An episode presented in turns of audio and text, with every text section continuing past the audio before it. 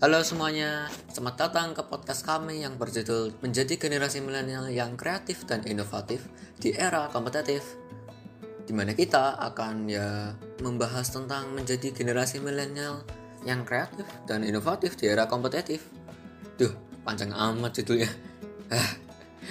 Kalian semua apa kabar di rumah masing-masing? Semoga kalian baik-baik saja ya Jaga kesehatan kalian semua ya teman-teman dan jangan lupa pakai masker di mana pun kalian berada. Eh, kita kok nggak berkenalan dulu sih? Nanti yang lain pada bingung. Betul banget, nanti yang mendengarkan sulit mengenali kita. Eh, maaf, maaf, maaf. Aku lupa. Maaf banget ya. Oke, oke. Aku duluan ya. Kan aku yang ngertiin. Hehe. Halo semuanya, aku bagian Dita Ais dari kelas 11 Bahasa, nomor absen 4. Perkenalkan, nama aku Farel Nathaniel Santoso, biasa dipanggil Farel, kelas 11 IPS 3, umur absen 11. Perkenalkan, nama aku Florentina Dewinda Resti Wulandari, kelas 11 IPS 3, absen 30. Perkenalkan, nama saya Gregorius Abeda Beda Yehova, dari 11 IPA 1, nomor absen 12. Oh ya, kita semua ini dari sekolah yang sungguh luar biasa ya, yaitu SMA Pangudi Luhur Santo Yosef Surakarta. Bagi yang ingin kenal kami lebih dalam, bisa lewat bawah deskripsi, di mana ada tag kami masing-masing. Oke, sudah selesai kan? Mari kita bahas ya dengan topik kami di masa ini. Generasi milenial atau Gen Y lahir pada antara tahun 1980 sampai 1994 dan saat ini berusia antara 26 sampai 40 tahun. Iya ya, berarti kita masih muda ini karena kita generasi Z. Kalau dari pengetahuan aku nih, Gen Y itu biasanya lebih produktif. Tapi aku nggak tahu alasannya sih. Oh, aku tahu itu. Jadi gini ya, dengan arus globalisasi yang semakin deras, mau tidak mau generasi milenial dituntut untuk lebih kreatif dan inovatif. Pemuda Indonesia dituntut untuk berinovasi dan berprestasi agar dapat bersaing di era globalisasi. Pemuda milenial harus mampu ambil bagian dan menjadi pembaharu dalam menghadapi revolusi industri 4.0. Dan puncak industri Indonesia yang diramalkan akan terjadi pada tahun 2030. Bila tidak, kecil kemungkinan untuk bisa bertahan di dunia yang serba kompetitif dan serba dinamis ini. Hal itu disampaikan Komang Milenial beramasta sosok milenial kreatif yang saat ini menekuni dunia broadcasting dengan membuat program-program kreatif. Di era kompetitif seperti sekarang ini, kita dituntut untuk kreatif. Kita tidak perlu memikirkan usaha yang rumit dan jelimet. Bisnis yang sederhana pun akan menjanjikan apabila kita telaten dan tahu peluangnya. Tak kalah penting kita harus konsisten dalam menciptakan peluang, kata milenial. Kreativitas, kata milenial, merupakan kunci dalam menghadapi segala kondisi. Kreativitas yang merupakan modal utama kaum milenial harus dimunculkan dan dikembangkan, sehingga bisa menciptakan pulang-pulang ekonomi yang pada gilirannya maupun berkontribusi untuk bangsa. Kreativitas adalah fitur yang tak terpisahkan dari kaum milenial. Jika disalurkan dengan baik, maka kreativitas itu bisa memberikan kontribusi yang besar baik bagi diri sendiri, masyarakat maupun bangsa dan negara, ujarnya. Oh iya iya, tapi generasi milenial sekarang tuh hidup di dunia digital. Dan karena covid ini jadi terpaksa untuk berprestasi di rumah. Iya bener banget itu. Jadi alasannya tuh gini. Seperti yang kita ketahui, tahun lalu hingga tahun sekarang kita masih harus menghadapi situasi yang cukup sulit, yaitu pandemi COVID-19. Situasi ini telah mengubah sebagian hidup masyarakat di dunia menjadi sulit. Banyak orang yang selalu menyalahkan diri sendiri, alam, situasi, bahkan Tuhan sekalipun atas kesulitan yang menimpa hidupnya. Dari sini kita belajar bahwa menyalahkan diri sendiri ataupun orang lain tidak dapat menyelesaikan masalah. Maka dari itu, kita harus selalu ingat bahwa itu semua hanya ujian yang harus kita hadapi. Kita memiliki hidup yang dianugerahkan oleh Tuhan secara cuma-cuma, dan harus kita jalani dengan hati yang tulus serta menghargai kehidupan. Cara menghargai kehidupan yang paling sederhana menurut aku adalah bersyukur. Terkadang orang selalu merasa kurang bersyukur dan merasa kekurangan dengan apa yang dimiliki.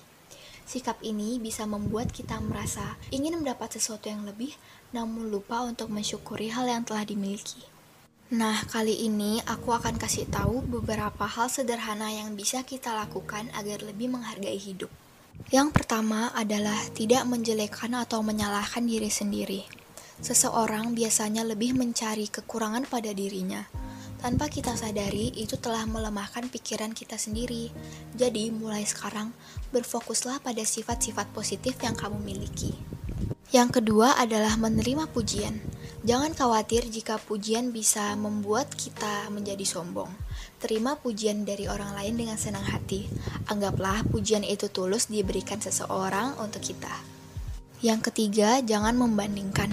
Berhenti membandingkan seseorang lebih baik daripada kamu. Berpikirlah kelebihan yang kamu miliki tidak dimiliki oleh orang lain. Yang keempat, melayani dengan cinta. Jika Anda sulit melihat kebaikan pada diri sendiri, pergilah keluar dan bertemu dengan orang banyak. Berbuat baik dengan memberi pertolongan kecil kepada orang yang membutuhkan. Yang kelima adalah belajar tulus. Lakukan segala sesuatu dengan tulus. Bila kamu seorang pekerja, maka bekerjalah dengan tulus. Bila kamu menjalin hubungan dengan seseorang, berilah kasih sayang yang tulus.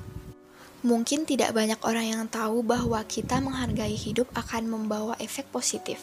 Hal ini juga dapat menjadi langkah untuk mengurangi stres, meningkatkan produktivitas, dan kualitas hubungan yang baik. Semua yang dikatakan si Floren itu penting loh ya guys.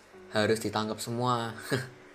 Saya hanya mengingatkan ya karena ini sungguhlah penting bahwa kita baik Gen X, Y, dan Z harus mengikuti protokol kesehatan dan menjaga kesehatan masing-masing. Seperti yang dikatakan Floren tadi, pandemi ini bukan salah siapa pun. Dan dengan menyalahkan orang lain maupun diri sendiri, tidak akan menyelesaikannya.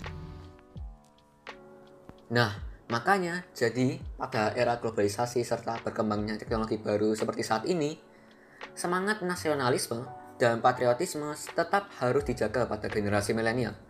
Tujuannya tak lain agar generasi penerus ini paham akan perjuangan para pendiri bangsa dan menjaga keutuhan negara kita yang tercinta.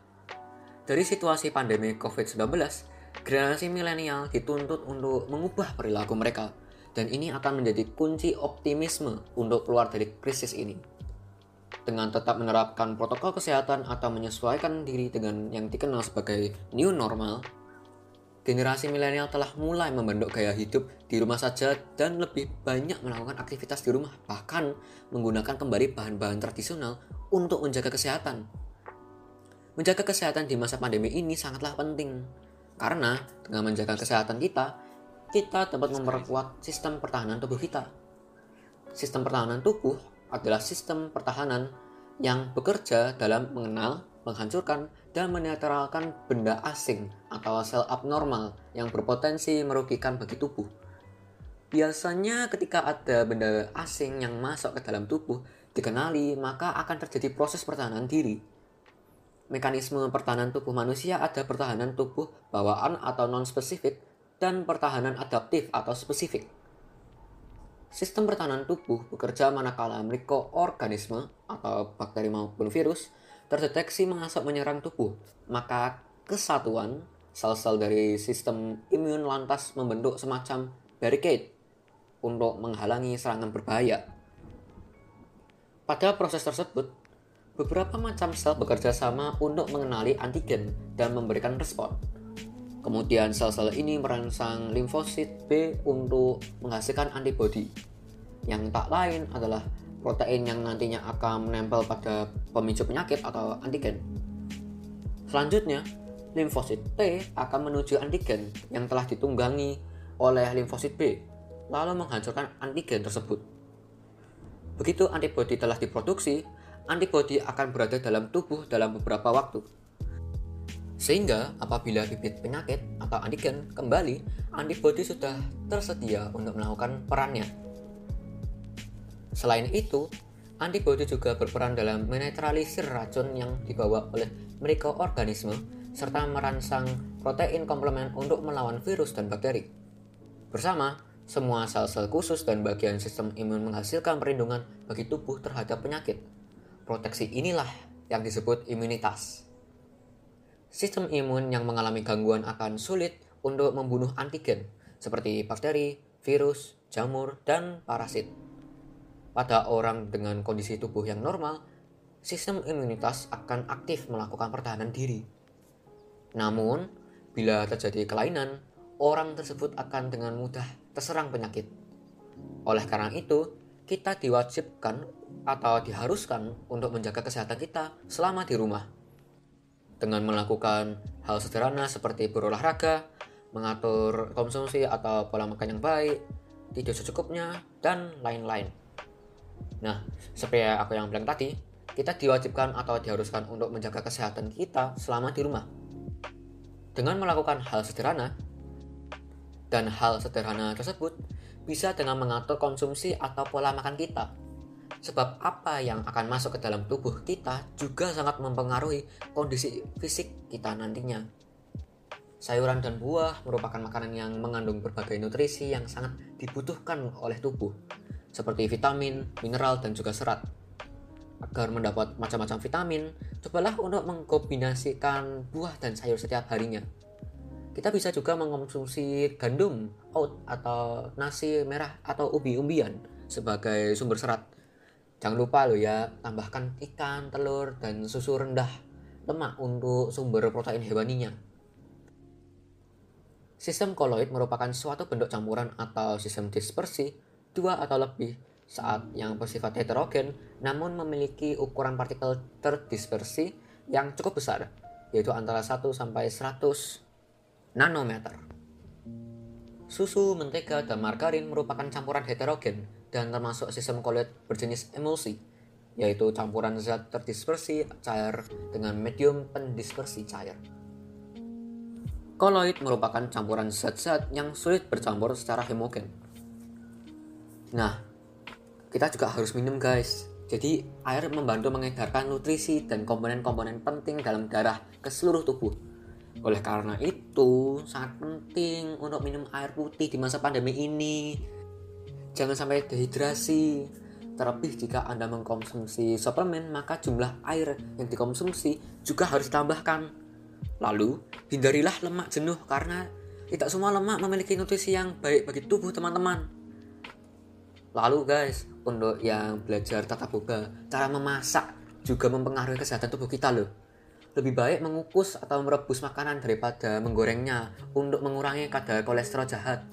Dan yang terakhir ya guys, kurangi asupan garam dan gula tambahan karena makanan dan minuman tinggi lemak, gula, serta garam yang dikonsumsi berlebihan dapat meningkatkan asupan kalori. Apabila kita ingin mengonsumsi makanan kemasan, cobalah ya guys untuk memilih makanan yang kandungan garam dan gulanya rendah. Kayak gitu itu penting, tolong dicek terus ya. Nah guys, tidak hanya mengatur konsumsi atau pola makan saja, kita juga bisa melakukan kegiatan olahraga agar pola hidup sehat kita lebih teratur. Nah, salah satu contoh olahraga yang dapat dilakukan pada masa pandemi seperti ini adalah pencak silat. Dalam keadaan pandemi seperti sekarang, sangat sulit berlatih secara tatap muka. Maka dari itu sebagai generasi milenial yang inovatif dan kreatif, kita dapat berlatih pencak silat melalui internet dan YouTube. Pencak silat merupakan olahraga bela diri yang mengandung nilai-nilai seni tradisional dari Indonesia. Pencak silat merupakan unsur-unsur kepribadian bangsa yang dimiliki dari budidaya yang sudah turun-temurun. Pencak silat sudah tersebar ke seluruh kepulauan Nusantara sejak abad ke-7. Hal ini bisa dilihat pada masa penjajahan Belanda. Pencak silat sudah ada dan dipakai untuk melawan penjajah. Pencak silat berasal dari dua daerah di Indonesia, yakni Minangkabau Sumatera Barat dan Cimahi Jawa Barat yang mempunyai aliran berbeda. Penyebaran pencak silat di Nusantara sudah terjadi pada abad ke-7 ini dibuktikan lewat relief Candi Borobudur pada tahun 1903 berdiri perguruan Setia Hati atau PSH dan perguruan Setia Hati Teratip atau PSHT pada 1922. Dalam pencak silat mempunyai tiga nilai, yaitu nilai pertama nilai kebudayaan. Budaya dan permainan seni pencak silat salah satu aspek yang sangat penting. Istilah pada umumnya itu menggambarkan bentuk seni tarian pencaksilat dengan musik dan budaya tradisional. Yang kedua, aspek bela diri. Aspek ini bertujuan untuk mengembangkan aspek bela diri yang terampil dalam gerak efektif. Ini untuk menjaga keselamatan atau kesehatan fisik dan mental yang dilandasi sikap kesatria, tanggap, dan mengendalikan diri. Yang ketiga adalah aspek olahraga. Pada aspek ini dalam silat sangat penting, karena pesilat mencoba menyesuaikan pikiran dengan olah tubuh. Aspek lain yang bisa dikembangkan ialah kompetisi. Artinya, olahraga bisa dipertandingkan dalam bentuk perorangan atau regu. Dan yang terakhir untuk tujuan utama antara lain tujuan untuk mencapai kesehatan dan rekreasi dan prestasi.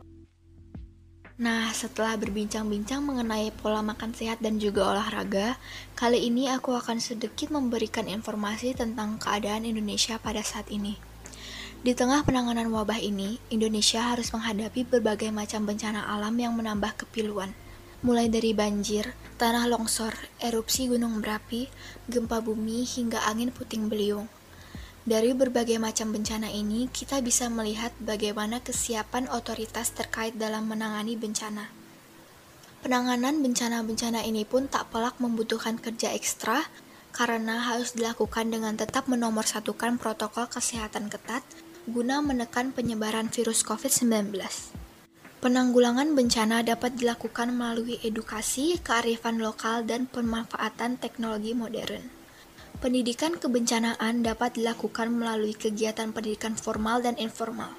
Demikian pula, dengan bentuk kearifan lokal masyarakat Indonesia yang sangat kaya berupa nilai, norma, kepercayaan, dan aturan khusus, mampu berperan dalam penanggulangan bencana.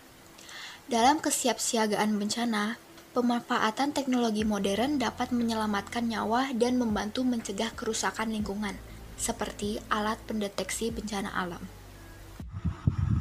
Nah, betul juga tuh isi Floren, karena sebagai generasi milenial, kita harus memaknai proklamasi dalam kehidupan kita. Salah satu makna yang bisa didapat dari peristiwa proklamasi kemerdekaan Indonesia ialah bebasnya bangsa Indonesia dari tangan penjajah. Walaupun setelah mengumandangkan proklamasi, masyarakat Indonesia masih harus terus berjuang untuk mempertahankan kemerdekaan.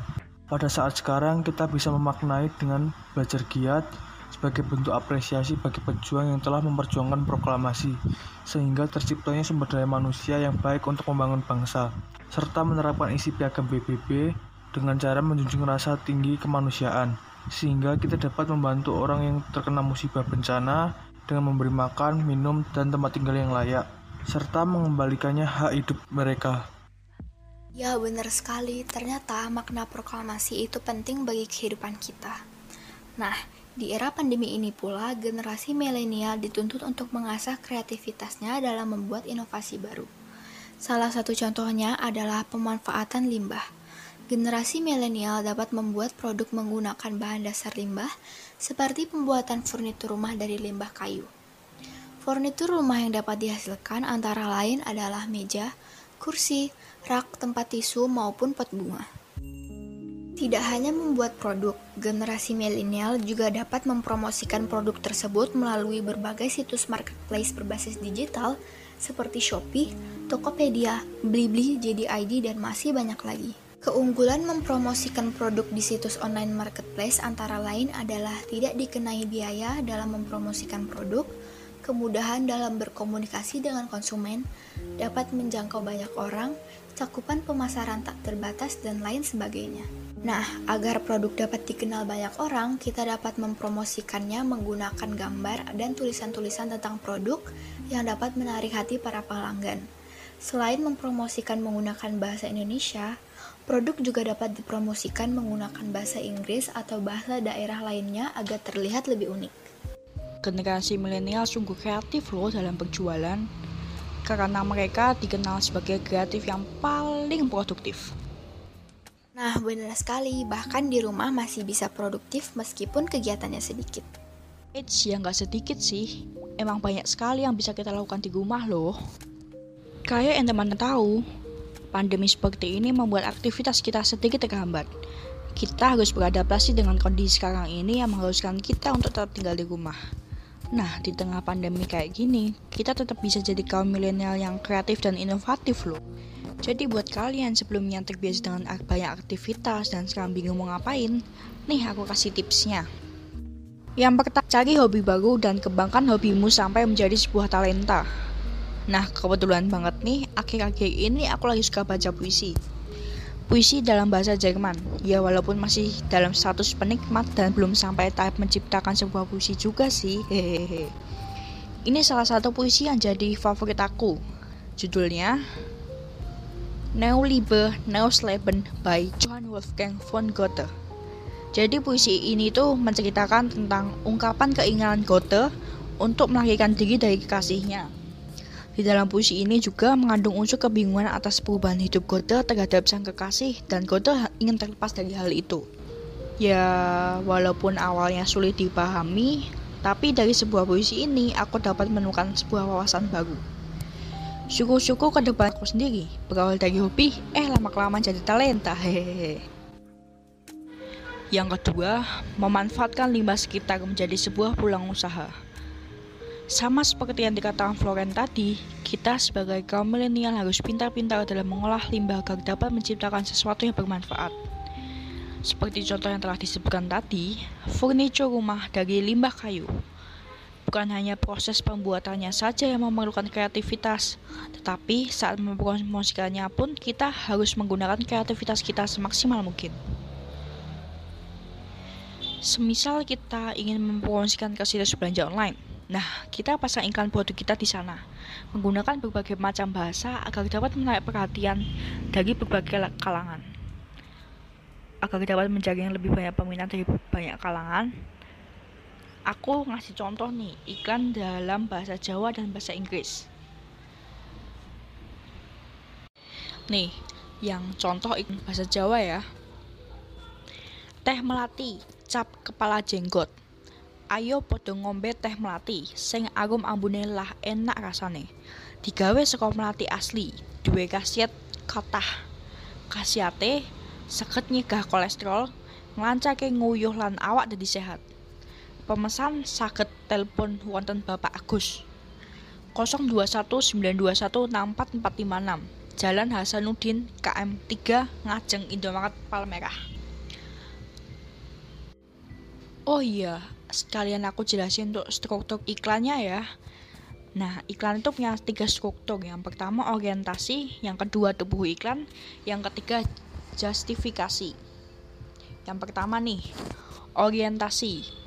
Berisi perkenalan dari iklan itu sendiri yang di dalamnya terdapat teks atau kata-kata yang merupakan perkenalan dari iklan tersebut. Tubuh iklan berisi inti dari iklan itu sendiri yang di dalamnya berisikan iklan atau topik yang disampaikan kepada pemirsa. Lalu yang terakhir, justifikasi. Berisi penjelasan atau keterangan lebih lanjut tentang sebuah iklan, seperti alamat, alamat web, nomor telepon, email, media sosial resminya, dan sebagainya. Selanjutnya, aku bantu iklan dalam bahasa Inggris. If you don't brush your teeth regularly and correctly, it can cause cavities. So, try this toothpaste. This is from Dini Plague and also prevent cavities. This is only 1300 rupiah. Quite cheap. Ketiga, buat kalian nih yang suka tentang budaya, kesenian, ataupun berbagai hal lainnya yang berbau tentang Indonesia, banyak-banyakin baca artikel tentang kultur Indonesia ya. Selain menambah wawasan, kita juga bisa menjadi kaum milenial yang membantu melestarikan dan mempromosikan nilai-nilai kultural dari Indonesia. Seperti artikel yang aku baca kemarin nih, judulnya Suku Baduy Bersinergi dengan Alam Menjaga Aturan Adat. Di dalam artikel ini diceritakan tentang kehidupan suku Baduy, mulai dari Baduy luar hingga Baduy dalam. Setelah baca artikel ini, aku menemukan beberapa nilai kehidupan yang sangat perlu untuk diwariskan dan dipertahankan. Yang pertama, kedisiplinan. Sifat disiplin dan patuh pada peraturan terlihat dari adat leluhur yang selalu dipegang teguh masyarakat Baduy. Walau sudah banyak teknologi dan barang-barang modern, orang Baduy tetap setia dan menaati peraturan adat. Yang kedua, gotong royong. Masyarakat Baduy dulu dikenal sebagai masyarakat nomaden atau sering berpindah-pindah. Jadi, gotong royong sangat diperlukan dalam hal ini. Terakhir nih, sederhana dan hemat masyarakat Baduy, terutama Baduy Dalam, memiliki tempat tinggal yang sama satu dengan yang lain. Mereka juga tidak menampakkan kekayaan dengan memakai perhiasan atau rumah yang mewah. Sama seperti tema podcast kita, Dalam mengembangkan nilai kultural positif pun kita harus kreatif dan inovatif dalam mengembangkan nilai-nilai kultural positif ini. If we apply these tips, we will be creative and innovative in this competitive era. There are many ways that we can stay creative and innovative. You can do it. That's all from me and thank you. Nah, seperti yang dikatakan Ais, banyak sekali generasi milenial yang kreatif dan gemar dengan hobi mereka masing-masing. Generasi milenial memiliki kegemaran atau hobi yang sungguh bermacam-macam. Demi memperdalam hobi, mereka rela untuk mengeluarkan budget lebih untuk mengasah kemampuan yang mereka masing-masing. Sehingga nantinya kemampuan tersebut dapat digunakan untuk memulai berkarir atau berkompetisi. Terdapat banyak sekali hobi dalam kehidupan sehari-hari, seperti membaca, menulis, memancing, olahraga, dan lainnya. Ya, sederhana-sederhana lah guys. Contoh yang lain bisa seperti generasi milenial yang tertarik dalam ilmu sains. Saya dulu memiliki teman yang sungguh gemar dalam sains. Dia mengikuti lomba banyak sekali guys, dan selalu mendapat juara 1 sampai 3. Yang paling dia jelaskan dalam lomba itu adalah ilmu cahaya, ada empat sifat gelombang cahaya utama yang terdapat pada gelombang cahaya. Yang dulu dia katakan pada saya ya guys. Yang pertama, dispersi, yaitu pembiasan cahaya putih atau polikromatik menjadi berbagai komponen, yakni cahaya monokromatik. Nah, sifat dispersi ini akan terjadi ketika cahaya putih melewati medan pembias cahaya. Kita bisa melihat sifat dispersi pada pelangi. Air hujan yang turun akan membiaskan cahaya putih dari matahari sehingga terlihatlah pelangi yang berwarna-warni. Pelangi adalah fenomena optik yang terjadi ketika sinar matahari dan hujan saling bereaksi dengan cara tertentu. Pelangi terbentuk karena adanya pembiasan sinar matahari yang dibelokkan. Sinar ini berpindah arah dari perjalanan satu medium ke medium lainnya oleh tetesan air yang ada di atmosfer. Terjadinya pelangi karena proses pembiasan itu Matahari membiaskan sinarnya ke tetes-tetes air dan menghasilkan warna-warna indah yang terpisahkan. Saat proses pembiasan sinar matahari terjadi, cahaya dibelokkan berpindah tempat dari arah lain dari perjalanan satu medium ke medium lainnya, yaitu udara ke air. Setiap warna-warna pelangi akan dibelokkan pada sudut yang berbeda-beda, sehingga akan memberikan warna yang indah pada pelangi. Warna pertama yang dibelokkan adalah warna ungu, sedangkan warna terakhir yang dibelokkan adalah warna merah. Yang kedua, interferensi cahaya, yaitu penjumlahan superposisi dua gelombang cahaya atau lebih. Akibatnya, maka akan terbentuk gelombang cahaya yang lain. Pada interferensi cahaya ada dua sifat yang bisa terjadi nih. Interferensi bisa bersifat membangun dan saling menguatkan atau justru saling melemahkan, bahkan merusak. Kedua sifat ini bisa terjadi tergantung dari panjang gelombang setiap warna. Kita bisa melihat sifat interferensi cahaya dipelangi pada lapisan tipis minyak yang ada di permukaan air. Yang ketiga, difraksi cahaya yang diartikan sebagai kecenderungan gelombang cahaya saat melewati area yang sempit. Difraksi cahaya bisa terjadi karena setiap panjang gelombang punya fungsi sebagai sumber sekunder gelombang cahaya. Akibatnya, cahaya dari satu bagian celah bisa bergabung dengan cahaya dari bagian celah yang lain.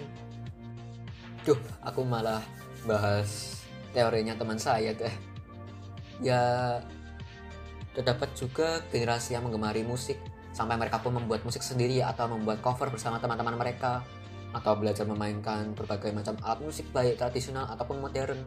Lalu generasi yang suka berpergian baik traveling ke luar negeri, backpacking atau mendaki gunung dan bahkan pergi berkemah. Di generasi milenial sungguh terdapat banyak sekali yang memiliki gemar dan hobi yang unik. Mereka sangatlah gemar sampai pun terdapatnya kompetisi yang sangatlah menantang dan membantu mereka berkembang. Terdapat juga generasi milenial yang mengabulkan impiannya mereka untuk bekerja sesuai kegemaran atau hobinya mereka. Wah, itu impian atau cita-cita yang sungguhlah luar biasa. Sepertinya generasi milenial ini sungguh cerdas dan gemar sekali ya. Bagus banget kayak gitu, karena dengan generasi yang produktif, bangsa Indonesia pun dapat maju untuk kalian yang generasi Y atau milenial, lanjutkan kegiatan yang membangun skill kalian ya. Kalau untuk generasi Z, ayo jangan kalah sama generasi milenial. Dan yang generasi X, terima kasih banyak untuk mendidik kami yang masih muda-muda ya. Makasih semuanya. Dengan ini podcast kami tutup ya. Semoga podcast ini bisa menambah wawasan kita semua. Maafkan kami jika ada hal yang tidak berkenan dan sampai jumpa di lain waktu. Sampai, Sampai jumpa jumpa. guys. Jangan Terima kangen ya kasih. sama kita. next time. Bye bye.